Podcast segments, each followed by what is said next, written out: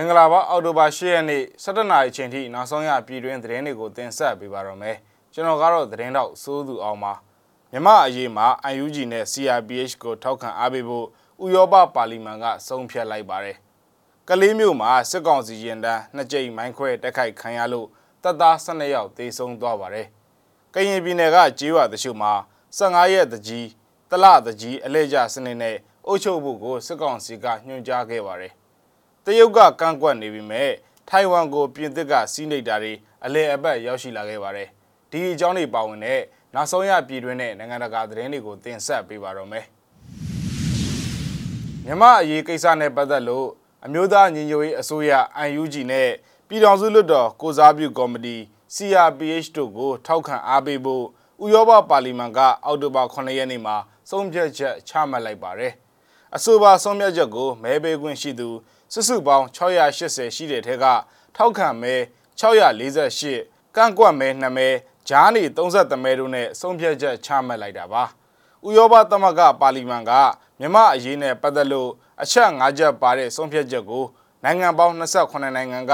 ကိုယ်စားလှယ်တွေကသဘောတူညီခဲ့ကြတာလည်းဖြစ်ပါတယ်။အဆိုပါ၅ချက်မှာဆီယနာသိမ်းမှုကိုအပြင်းအထန်ရှုတ်ချကြောင်း2020ရွေးကောက်ပွဲရလဒ်ကိုလေးစားဖို့နဲ့အယက်သားအစိုးရကိုအာဏာပြန်ပေးဖို့ ဖမ်းဆီးထားသူအလုံးကိုလွှတ်ပေးဖို့နဲ့လွတ်လပ်စွာကိုးကွယ်ယုံကြည်ခွင့်ကို လေးစားဖို့တို့ပါဝင်ပါတယ်။ဒါအပြင်မှာနိုင်ငံတော်သမ္မတကြီးဦးဝင်းမြင့်နိုင်ငံတော်ရဲ့အတိုင်ပင်ခံပုဂ္ဂိုလ်ဒေါအောင်ဆန်းစုကြည်တို့အပါအဝင်နိုင်ငံခေါင်းဆောင်တွေကိုချက်ချင်းလွှတ်ပေးဖို့ကိုတောင်းဆိုလိုက်ပြီးမြန်မာပြည်သူတွေရဲ့ဒီမိုကရေစီလွတ်လပ်ခွင့်နဲ့လူ့အခွင့်အရေးတိုက်ပွဲတွေကိုထောက်ခံကြောင်းဆိုပါတယ်။စစ်တပ်ရဲ့အကြမ်းဖက်မှုတွေကိုလည်းရှုတ်ချလိုက်ပြီးနိုင်ငံရေးဆွေးနွေးပွဲတွေမှာ UNG နဲ့ CRPH ကိုပါ ထည့်သွင်းကြဖို့ကိုအာဆီယံနဲ့နိုင်ငံတကာအသိုက်အဝန်းကိုတိုက်တွန်းခဲ့ပါတယ်။ဥရောပသမဂ္ဂအဖွဲ့ဝင်28နိုင်ငံပါဝင်တဲ့အဆိုပါဆုံးဖြတ်ချက်ကိုကုလသမဂ္ဂ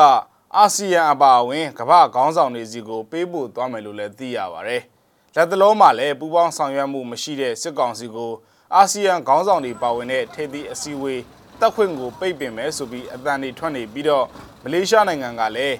UNG နဲ့ဆွေးနွေးဖို့ကိုပြောဆိုလာတဲ့အနေအထားလည်းဖြစ်ပါတယ်ခင်ဗျာ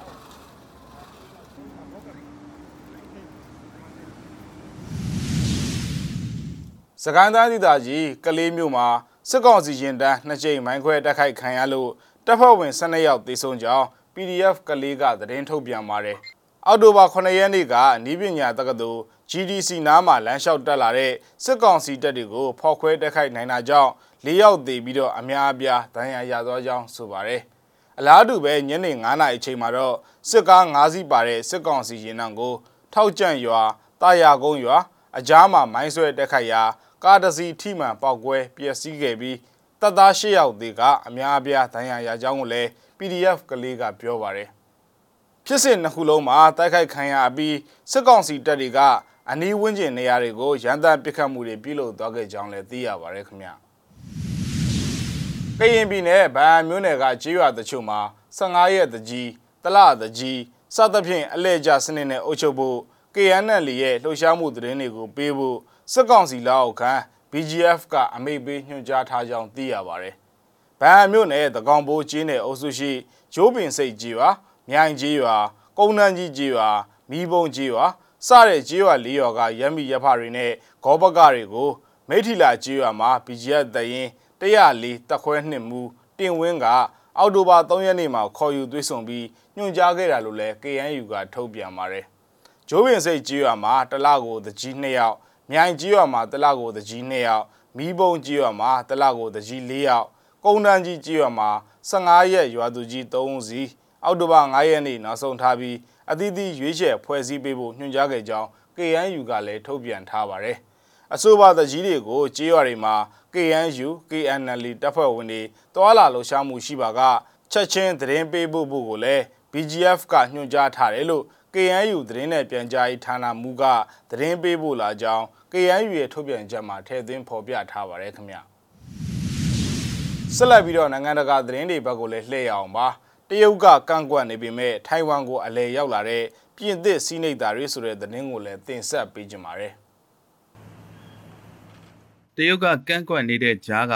အရင်ကာကွယ်ရေးဝန်ကြီးဟောင်းဦးဆောင်တဲ့ပြပြင်သစ်စီးနိတ်လွှတ်တော်အမတ်တွေဟာအော်တိုဘာလ6ရက်တနင်္ဂနွေနေ့မှာထိုင်ဝမ်ကိုရောက်ရှိလာခဲ့ပြီးတမ္ပတဆိုင်အင်းဝမ်နဲ့တွေ့ဆုံဆွေးနွေးကြမှာဖြစ်ပါတယ်။ပေကျင်းဟာ ထိုင်ဝမ်နဲ့တရားဝင်တန်တမန်ဆက်ဆံရေးပြုလုပ်ခြင်းကိုဆန့်ကျင်ပြီးမကြသေးမီနှစ်များအတွင်းမှာနိုင်ငံရေးသမားတွေလာရောက်လဲပတ်မှုကိုပိတ်ပင်ဖို့ပြင်းပြင်းထန်ထန်ကြိုးစားခဲ့ပါတယ်။တရုတ်တန်ယုံကတော့ယခုခီးစဉ်ဟာတရုတ်ရဲ့အကျိုးစီးပွားကိုထိခိုက်စေတဲ့အတွက်တရုတ်ပြင်သစ်ဆက်ဆံရေးနဲ့ပြင်သစ်ရဲ့ပုံရိပ်ကိုထိခိုက်စေမှာဖြစ်ကြောင်း၎င်းရဲ့ website မှာရေးသားခဲ့ပါတယ်။ပြင်သစ်နိုင်ငံရေးဌာနကတော့ ယခုခီးစဉ်နဲ့ပတ်သက်ပြီးတရုတ်ရဲ့ကန့်ကွက်မှုကိုပယ်ချခဲ့ပြီးလွှတ်တော်အမတ်တွေဟာ၎င်းတို့ရဲ့ဆုံးဖြတ်ချက်ကိုလွတ်လပ်စွာချမှတ်ခွင့်ရှိတယ်လို့ဆိုပါတယ်။ထိုင်ဝမ်နိုင်ငံရေးဝန်ကြီးဌာနရဲ့အဆိုအရကိုယ်စားလှယ်အဖွဲ့ဟာကျန်တာပရိနေ့မှာဆိုင်အင်းဝမ်နဲ့တွေ့ဆုံလိမ့်မယ်လို့ဆိုပါတယ်။တရုတ်တန်အမတ်ကပြင်သစ်ကိုချင်းချောက်နေပေမဲ့လွှတ်တော်အမတ်တွေကတော့သူတို့ရဲ့လဲပတ်မှုကိုပြုလုပ်ခဲ့ပြီးလွတ်လပ်မှုနဲ့ဒီမိုကရေစီအပေါ်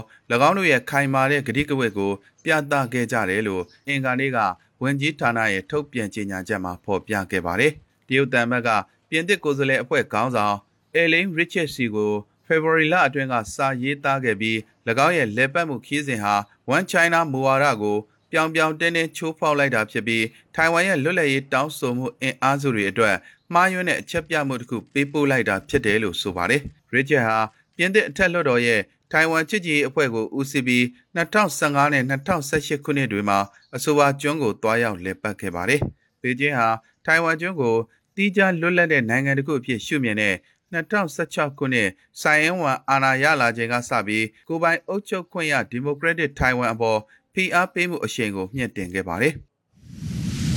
ဆက်လက်ပြီးတော့ခလေးတငယ်တွေကိုညှဉ်းပန်းနှိပ်စက်မှုအတွက်တန်တရားရှိသူရဲ့နေအိမ်မှာနာဇီပစ္စည်းတွေသိသိရမိတယ်ဆိုတဲ့ အကြောင်းကိုလည်းရှုစားရအောင်ပါရီယိုဒီဂျနေရိုမြို့ကရဲတွေဟာကလေးတငယ်ညှဉ်းပန်းနှိပ်စက်မှုအတွက်တန်တရားရှိသူတို့ရဲ့နေအိမ်မှာနာဇီယူနီဖောင်းတွေနဲ့အမတ်တရပစ္စည်းအများအပြားကိုလက်နက်တွေနဲ့အတူတင်စီရမိခဲ့တယ်လို့အော်တိုဘာလ6ရက်ဗုဒ္ဓနေ့ကပြောဆိုလိုက်ပါတယ်။ ASM Pro Hanka Dryly Lin Horse လို့နာမည်ရတဲ့ အသက်58နှစ်အရွယ်တန်တရားရှိသူဟာသူ့ရဲ့အသက်12နှစ်အရွယ်သားငယ်ကိုနှိပ်စက်ညှဉ်းပန်းနေတယ်လို့တိုင်ကြားခံရပြီးတဲ့နောက်အင်္ဂါနေ့မှာရဲကဖမ်းဆီးခဲ့တာဖြစ်တယ်လို့စုံစမ်းစစ်ဆေးရေးကိုဦးဆောင်နေသူရဲအရာရှိလူးဝစ်အာမန်ကဆိုပါတယ်ရဲတွေဟာနာဇီဝါဒနဲ့ပတ်သက်တဲ့အံ့ဩဖွယ်ရာပစ္စည်းတွေအပါအဝင်ဒစိမ့်တွေစာရွက်စာတမ်းတွေယူနီဖောင်းတွေနဲ့အလံတွေအပြင်တန်တရားရှိသူရဲ့ဓာတ်ပုံပါဝင်တဲ့နာဇီပါတီရဲ့ပါတီဝင်ကတ်တွေကိုတွေ့ရှိခဲ့ရတယ်လို့ဆိုပါတယ် ရဲတွေကဖြန့်ဝေတဲ့ဓာတ်ပုံတွေမှာနာဇီဝါဒအမတ်တရပစ္စည်းရာပေါင်းများစွာအပြင် Adolf Hitler ရဲ့မှန်ပေါင်းသွင်းထားတဲ့ဓာတ်ပုံတွေနဲ့ပကြီးကားတွေကိုပါတွေ့ကြရပါတယ်။ rifle နဲ့ဆက်တဲ့တလက်အပါအဝင်လက်နဲ့ကိုးလက်ကြီးစံတွေနဲ့ဓမြောင်တွေကိုပါသိမ်းဆည်းရမိခဲ့ပါတယ်။ Lin Haas ကိုတရားမဝင်လက်နက်ကင်ဆောင်မှုလူမျိုးရေးခွဲခြားမှုလိန်တူဆက်ဆံမှုတွေနဲ့တရားစွဲဆိုထားတယ်လို့၎င်းစီမှာအရွယ်မရောက်သေးသူတွေရဲ့ဓာတ်ပုံတွေကိုပါတွေ့ရှိခဲ့ရတဲ့ရဲအရာရှိအာမန်ကဆိုပါတယ်။အဲ့ဒီလူကသူ့ရဲ့စုဆောင်းထားတဲ့ပစ္စည်းတန်ဖိုးဟာယူရို1.5တန်းကနေ3တန်းဝန်းကျင်ထိအောင်တန်ကြေးရှိတယ်လို့ရဲတွေကိုပြောခဲ့ပေမဲ့အဲ့ဒါကိုအတိမပြုတ်နိုင်သေးဘူးလို့ရဲအရာရှိကဆိုပါတယ်။လင်ဟာစာအကြအရွယ်မရောက်သေးသူအ ਨੇ ဆုံး2ဦးကိုပါအနိုင်ကျင့်ဖို့ကြိုးစားခဲ့တယ်ဆိုတဲ့တန်တရားနဲ့ရှာဖွေခွင့်နဲ့ဖမ်းဝရမ်းတွေကိုရဲကရယူခဲ့တာဖြစ်တယ်လို့ရဲအရာရှိအာမန်ကဆိုပါတယ်။မြစည်းမရဲ့သတင်းအစီအစဉ်ကိုဒီမှာခဏရင်နာကြပါတယ်။ ကြည့်ရှုခဲ့တဲ့မိဘပြည်သူတို့ချင်းစီကိုကျေးဇူးအထူးပဲတင်ရှိပါတယ်။ကျွန်တော်တို့သတင်းနဲ့အတူတူပြန်ဆောင်ကြပါဦးမယ်။